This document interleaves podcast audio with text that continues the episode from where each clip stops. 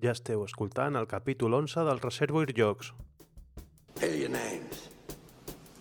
Mr. Brown, Mr. White, Mr. Blonde, Mr. Blue, Mr. Orange, Mr. Pink. Why am I Mr. Pink? Because you're a faggot, all right?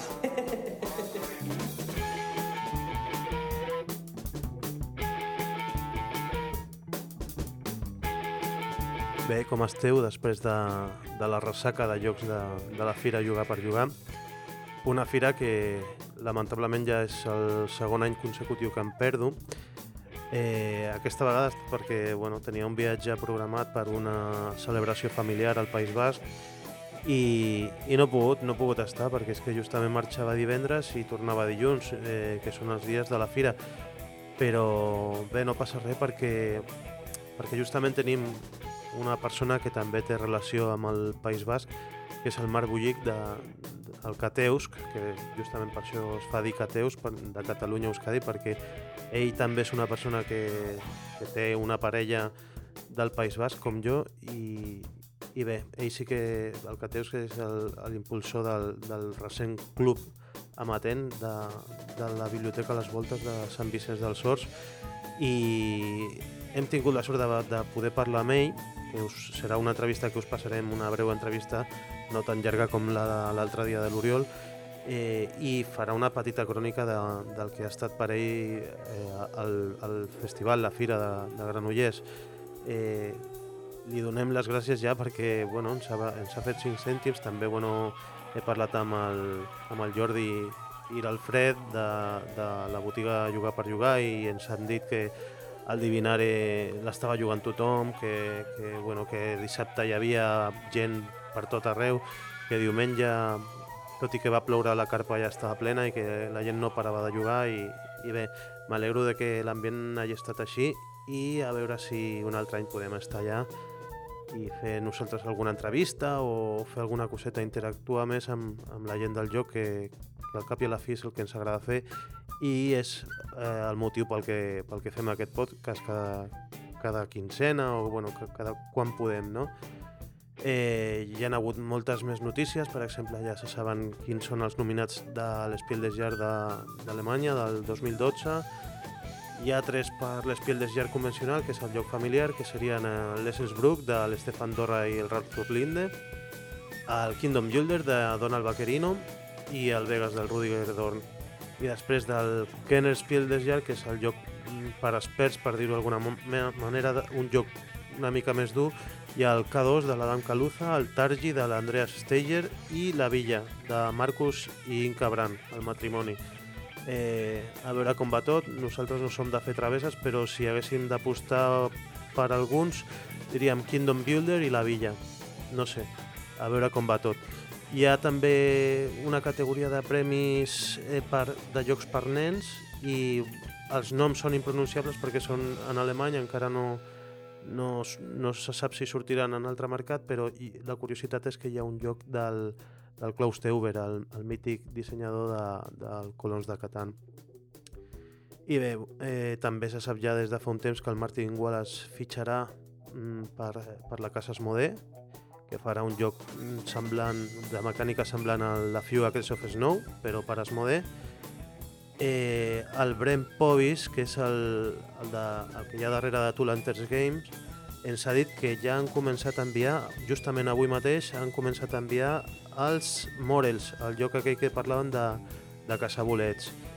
I Bueno, mm, ja sabem que el Jinx de l'amic Josep Maria Lluell ja està a les botigues, el Goa també, l'Agrícola per, per dos jugadors també, al Puerto Rico penso que encara li queda una miqueta però està en prevenda i, i bé, aquestes són les notícies. També ens felicitem perquè l'entrevista al Nestor Games ja està vist lúdica, gràcies. I ara us passem amb el Marc Bullic, eh, amb aquesta entrevista que li van fer allà a la Biblioteca de les Voltes. Esperem que, que us agradi.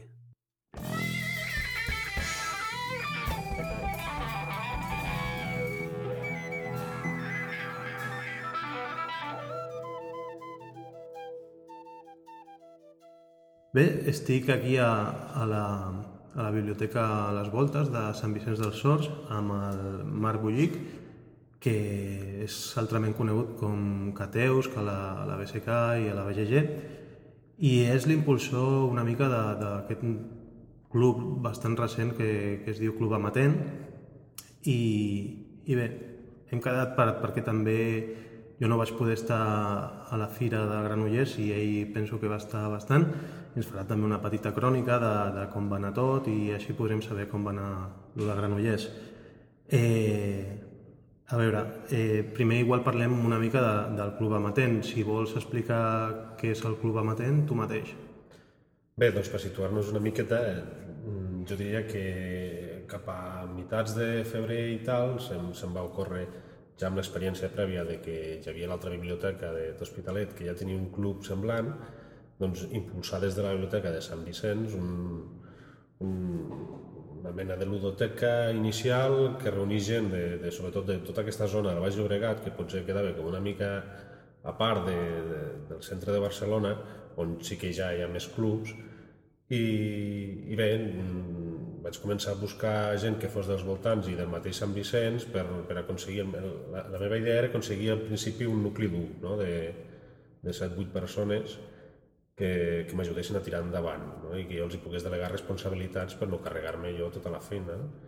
Al final ho vaig aconseguir, ens vam reunir uns dies abans, vam decidir com enfocaríem el club i, i, i quines trobades faríem, vam decidir quina seria la, eh, els dies que, que vindríem, si, si ho faríem molt sovint, si ho faríem... Bé, al final vam decidir que es faria cada 15 dies en un inici, si veiem que la cosa anava molt... que, ens anava bé, doncs ja passaríem a setmanal. No? I res, la primera sessió la vam fer el 17 de març i així ens hem anat reunint cada 15 dies, sempre els dissabtes pel matí a la biblioteca. Eh, segueix eh, sent quinzenal? Segueix sent quinzenal. Sí, primer havíem marcat un, un, un inici fer el primer i tercer di, dissabte de cada mes, però després ens vam adonar que, que hi havia algun mes que tenia 5 setmanes, llavors ens ho trastocava una miqueta tot, no? Llavors ja vam canviar i ja vam decidir a partir de la tercera sessió, que seria cada 15 dies, invariablement a no ser que tinguéssim algun impediment fora del nostre abast, com podria ser el d'aquest dissabte, que ens el saltarem al següent, per dos motius. Un, i potser el principal, és perquè l'Ajuntament utilitza la sala d'actes on nosaltres ens fem les trobades per, per fer una altra activitat municipal i, i l'altre doncs, perquè acabem d'arribar de, la, de la Fira de Granollers i llavors la gent no, ja, ja venia una miqueta carregada. No? Doncs aquest dissabte no, no hi ha club, no hi ha trobada. Aquest dissabte no, ja serà el 2 de juny, que és d'aquí dos dissabtes. Perfecte, i ja a partir d'aquí ja... Cada... 15 anys. Sí. Eh, parlem de la ludoteca, perquè mm, es veu una mica a la pàgina web que, que fa goig al, al vostre blog que teniu ja, per, per lo joves que sou, un fotimer de llocs, que pots explicar una mica el material que teniu aquí per jugar, per provar i tal, i també com us heu fet per, per donar-vos a conèixer perquè les editorials eh, o sponsors o digue-li com vulguis eh, facilitin tant de material. Bé, nosaltres des d'un inici eh, ens vam marcar com a objectiu clar disposar d'una biblioteca pròpia de la biblioteca de la qual poguéssim anar fent ús, no? però evidentment clar, un inici i, i més amb un pressupost zero que partíem i continuem amb, amb aquest pressupost zero eh, havíem d'aconseguir jocs d'una manera o d'una altra. Eh, nosaltres ens anem nodrint de les ludoteques personals de cada, de cada membre dels, dels que ve al club, no? sobretot del, del nucli dur que et comentava de, de, des 8-10 persones que, que realment tenen ludoteques ja importants. No? I mentre, per la meva banda, amb ajuda també dels altres membres del club, doncs anàvem, anàvem enviant doncs, e-mails, fent-nos pesadets i, intercanviant opinions amb editoris i amb botigues per a que a canvi d'una certa publicitat en les nostres, en les nostres comunicacions doncs ells ens cedissin material per la, per la biblioteca s'enfocava des del punt de vista de, de, de la difusió, que realment és el que és. No? És una biblioteca, és un lloc públic i qui més interessats estan són ells, no? tant les botigues com les, les editores. Més, més que res perquè aquí en aquesta zona no hi ha cap botiga que, que, que permeti comprar aquest tipus de jocs. I bé, jo, jo els enfocava així, no? Mm, perquè eh, és un club però és, és obert, entenc, i la gent, per exemple, si veu que esteu jugant pot entrar, demanar, a lo millor, no sé si han de deixar el carnet de la biblioteca per agafar un lloc o no sé com funciona. Bé, nosaltres som, som oberts clar, seria absurd, no? Si, si es tracta de fer difusió, nosaltres el, el que realment volem és que la gent de, de Sant Vicenç i voltants conegui tot, tot aquest tipus de joc, perquè saben que quan els arriben a conèixer queden molt sorpresos.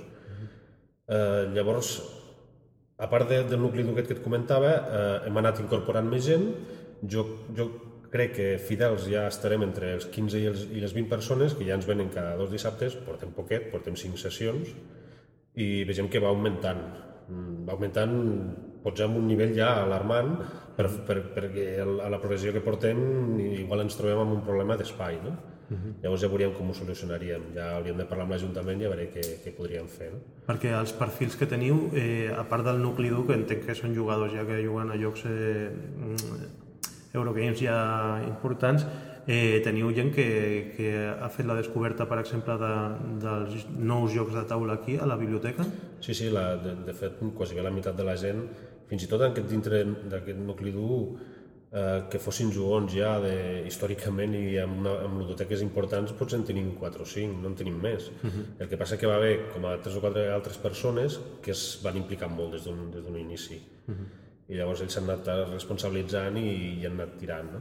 I llavors eh, tenim, de- d'edats, tenim, crec que el més jovenet té 8 anys i ens n'anem fins a una persona que deu tenir al voltant dels 60 anys. Llavors, mm, anem, anem improvisant una miqueta, no? O sigui, nosaltres eh, tenim un foro obert que, que està dintre del, del blog i, i tenim un apartat que està ocult als no moderadors, per dir-ho d'alguna manera, on nosaltres discutim quin, quins, quins jocs proposarem per la següent sessió. No? Uh -huh. De totes maneres, sempre portem més del que, del que acaba sortint a taula, perquè si, si en- ens entre persones que no esperem, llavors s'ha d'analitzar aquest tipus de persones, quina edat té, si, si és un pare-fill, si són dos amics de, de 15 anys, llavors a partir d'aquests factors doncs nosaltres ja els proposem un tipus de joc o un altre. Molt bé, has parlat de, de la pàgina web, si vols pots, pots dir l'adreça perquè la gent ja puguin entrar si, si escolten el podcast. Sí, bé, és, de fet és un blog que simplement si, si al Google el fiques amatent, la primera entrada és la, la definició de l'Institut d'Estudis Catalans i la segona entrada és la nostra i seria l'amatent.blogspot.com. Sí, perquè mm, jo igual no, no ho he profunditzat, però amatent què, què, què vol dir exactament? Amatent és la gran pregunta que em fa tothom. no, re, realment amatent vindria a ser com una espècie de sinònim d'allò que aconsegueix empatia. No?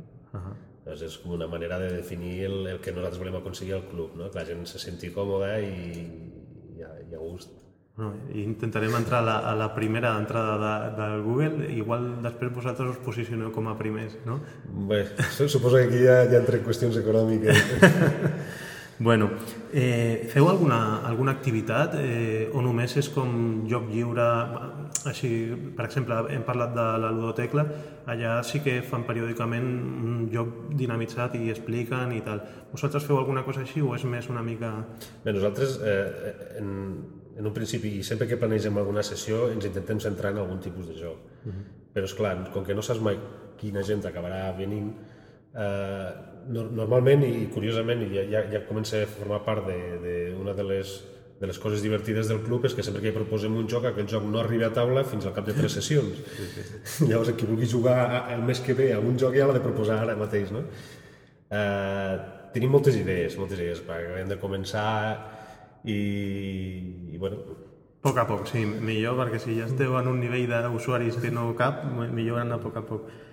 Eh, parlem de la fira, si vols, eh, perquè us estreneu com a club i heu estat allà eh, convidats també com a club? O... Sí, sí, el que passa que en... va ser tot una miqueta precipitat. Nosaltres fins i tot teníem intenció d'arribar allí amb les nostres samarretes fetes, però va ser impossible, perquè se'ns va tirar el temps a sobre. Més que res perquè ens pogués identificar amb molta gent que, que, que no, sa, no saben d'on sortim, no? Que potser ens han vist ara amb moltes comunicacions, a les redes socials i tal, i no, i no, no ens havien vist mai la cara. Uh -huh. Però bé, ens vam anar donant a conèixer i, i res, el que vam fer és in- intentar que, que sempre hi hagués algun membre a, a la fira durant els, els quatre dies que va estar. No? Uh -huh. I, I quants dies vau estar vosaltres com a, com a club amb aquests membres que fe- feien de... Me- Membres del club, eh, excepte el dijous per la tarda quan es va obrir, que sí que n'hi havia un, però que també forma part d'ajudar jugando, llavors era una miqueta, una miqueta trampa, no? Parlem del Farrells. Parlant de fa. Vale. eh, la resta de dies ja, ja hi va haver un mínim de 3-4 persones del club permanentment allí. Molt bé, molt bé. I, i vau fer alguna activitat? Estàu dinamitzant alguna taula exclusiva vostra o alguna cosa així? Vam estar fent una miqueta el que vam poder, eh, sobretot el dissabte, que va ser una bestiesa de, uh -huh. de gent. Eh, faltaven taules per tot arreu. Bé, nosaltres a l'arribar ja ens vam oferir de seguida a ajudar jugant-los i vam comentar que si, si necessitaven gent per, per explicar jocs a les famílies que anessin arribant que ens ho comentessin Eh, al final ho vam fer per, per la nostra via. Nosaltres anàvem traient jocs, anàvem jugant els nostres jocs, agafàvem el, algun cop jocs d'ajudar jugant i ens sentàvem amb algú que no coneixem de res, que passava per allí, i, i també els explicàvem, o sigui, vam fer una miqueta de, de difusió, vaja, el, uh -huh. que és el nostre objectiu. Eh, ja hem començat a llegir una mica la crònica que esteu fent al blog de, del club i hem vist que dels jocs que, que vau jugar, vau provar, per exemple, el Símbol Arcano o l'Stone Age, Eh, quins jocs més vau, vau tocar? Bé, vam estar provant per primer cop, que això va ser gràcies a, a la presentació que va fer el David, de la Ludotecla, uh mhm. -huh.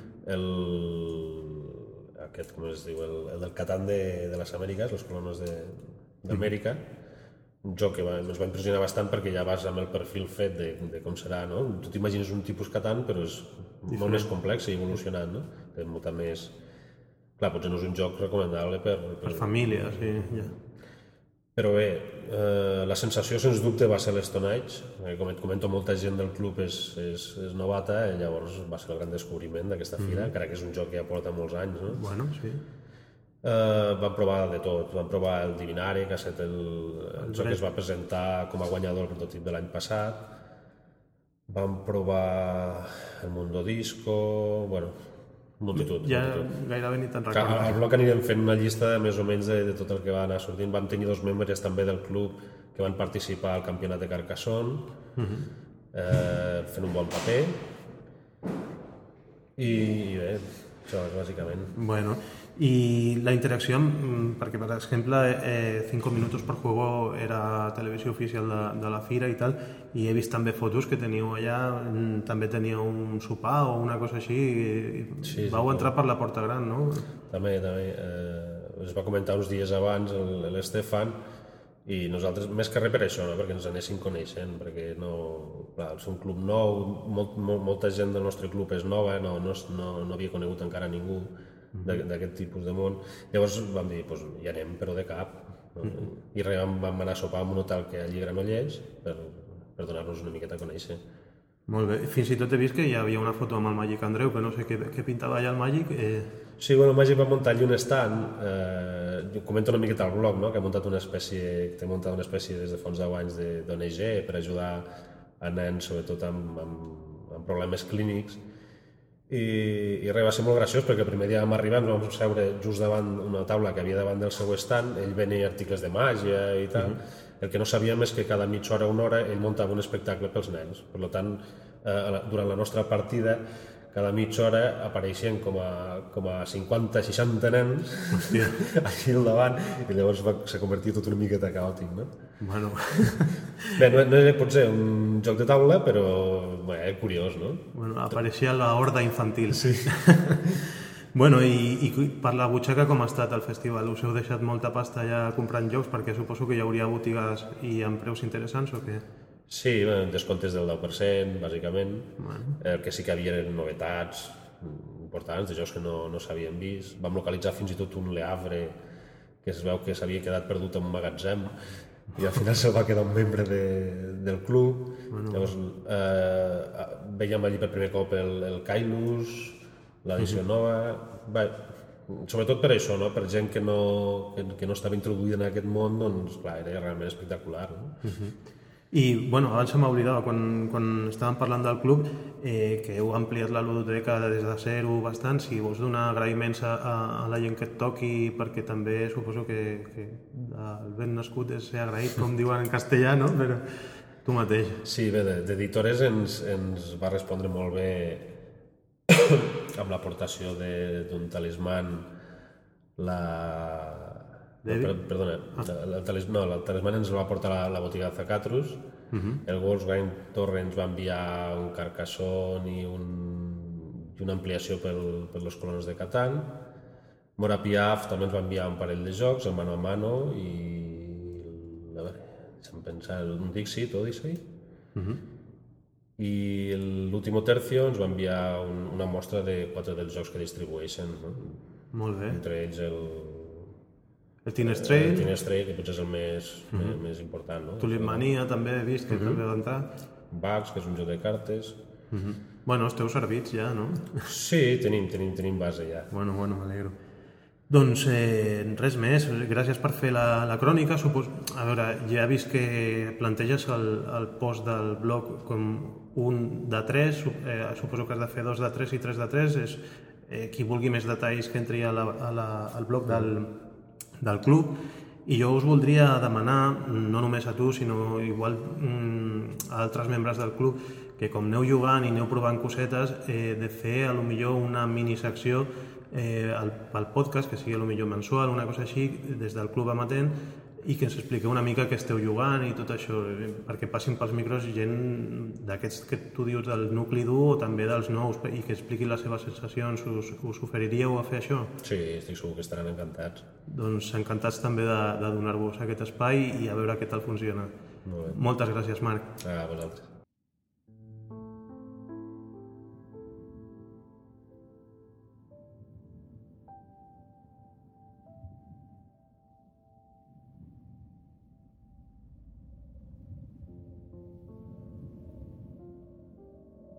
Bé, moltes gràcies al Cateus, al Marc, que parlant de Cateus, qui estan només a unes poquetes hores de, del partit de la final de la Copa del Rei de, entre el Barça i l'Atlètic Club de Bilbao, suposo que, que ahir al pobre també li passarà com a mi, que la meva parella vol que guanyi l'Atlètic i jo vull que guanyi el Barça, però bé, aquí no parlem de futbol, aquí parlem d'altres jocs molt més interessants i que guanyi el millor i sobretot que la gent xiuli si vol xiular i cridi el que vulgui cridar.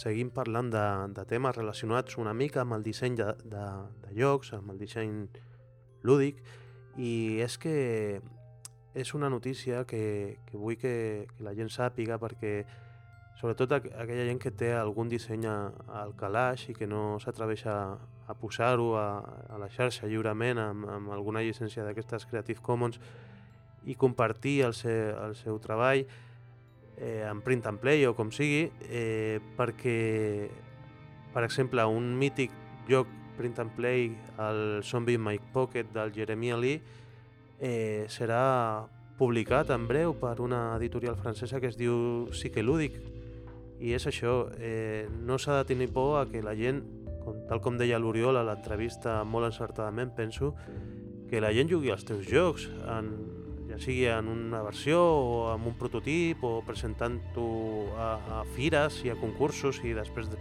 alliberant-ho perquè la gent es faci còpies i tal, amb, amb una llicència, clar, que si alguna vegada et ve una editorial i et diu que, que te'l vol editar, doncs tu et guardis els drets per, per, per després cobrar, no?, per, per, per això, però el joc l'ha de jugar la gent i li ha d'agradar i l'ha de demandar, perquè el Zombie My Pocket és un joc que, que des que el va agafar un, un il·lustrador americà de, de nom asiàtic, el, el Quanchai Morilla, li va donar un, un nou aire i, i a la gent li entrava pels ulls i, i se'l va descarregar moltíssim i, i mira, al final el joc s'ha fet bastant famós fins al punt que, que una editorial eh, s'està arriscant a, a publicar-ho i penso que surt a França dintre de poc per, per uns 10 euros la capseta. I bé, ànims i no deixeu dissenys als calaixos.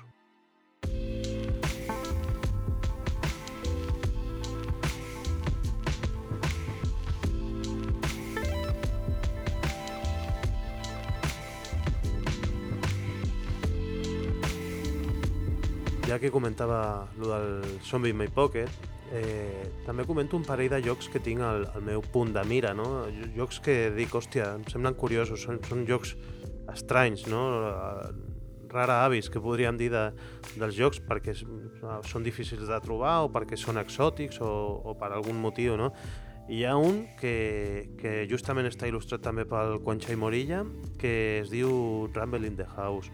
És un joc d'un dissenyador que es diu Ken Rush i és un joc de bluff i es veu que és com diferents personatges que estan dins d'una casa i hi ha informació oculta i hi ha una mica d'humor pel mig, és un joc ràpid de 20 minutets pel que he vist i és un joc que, que l'estic seguint. Si algú l'ha provat i em vol dir si val o no val la pena, s'ho agrairia. I també estic seguint un altre joc, que és un joc rus que ha guanyat algun, algun premi a Rússia, i és un joc de cartes que es diu Evolution, eh, The Origin of Species. Eh, és un joc de dos dissenyadors, de Dimitri Norré i Sergei Machin, Machin com el, com el tio de les maraques, i és un joc d'anar fent eh, espècimens que, que evolucionin, animals, fins i tot té una expansió ja al mercat que, que es diu Time to Fly o Temps de volar, una cosa així, que és ja quan ja s'ha evolucionat molt el, els teus animalons terrestres, eh, si vols eh, anar un pas més enllà i posar-li ales perquè volin i tal, és el que et permet aquesta expansió. I és un joc que segueixo. Si teniu idea també de, de com està i tal, agrairia comentaris.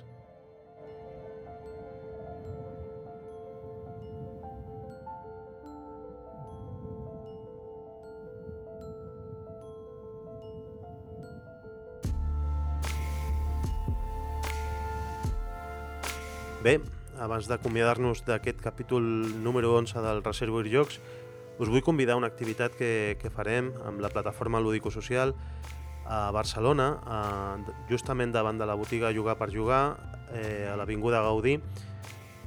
L'activitat serà demà, dissabte 26, durant tot el dia, a partir de, la, de dos quarts de, de 11, i el que es pretén és una activitat que està encabida dintre de, del programa d'activitats del Dia Internacional del Lloc, que el Dia Internacional del Joc és el dilluns 28 de maig i la nostra activitat es diu 28 idees per jugar. La fem el dissabte 26 per avançar-nos i sobretot és una excusa per a aquella gent que, que diu hòstia, no sé a què jugar, eh, doncs que es passin a, aquest dissabte i allà tindrem això 28 jocs diferents que serveixen per, per jugar i són diferents segurament a tots els jocs que, que clàssics els que esteu jugant. No són jocs molt durs, són jocs introductoris, però que valen molt la pena. Eh, justament ahir estava comentant amb el Jordi i amb l'Alfred de, de fins i tot a lo millor aquesta llista variar-la una miqueta i incloure algunes novetats interessants com el Jinx o, o l'Agrícola per, per dos jugadors. O sigui que si veniu igual podeu provar alguna novetat d'aquestes que, que són força interessants. Gràcies també a la col·laboració de, de Jugar per Jugar, de la botiga, i també de, de David, que ha posat alguns jocs eh, per la plataforma i que els utilitzarem per fer aquestes demostracions. Després, eh, una mica més a llarg termini, ja us anirem informant en els propers capítols del podcast. Com hem tingut aquest bon feeling amb, amb la gent de, del Club Amatent, eh, estem plantejant-nos fer eh, la proposta aquesta que ve des de Còrdoba, que es diu La noche más corta más larga de juegos, i segurament la farem no el, la mateixa nit del solstici, la, la mateixa nit de, de, de Sant Joan, sinó igual l'avancem un dia, però això està una mica pendent, però esteu atents al, al podcast perquè segurament farem una nit en blanca de llocs com fan a, a tot l'estat. I res més, eh, gràcies per seguir escoltant-nos i bé, espero que les millores a la pàgina web us hagin agradat i ja sabeu que és reservoirjocs.cat, la nostra pàgina web. Gràcies i fins la propera.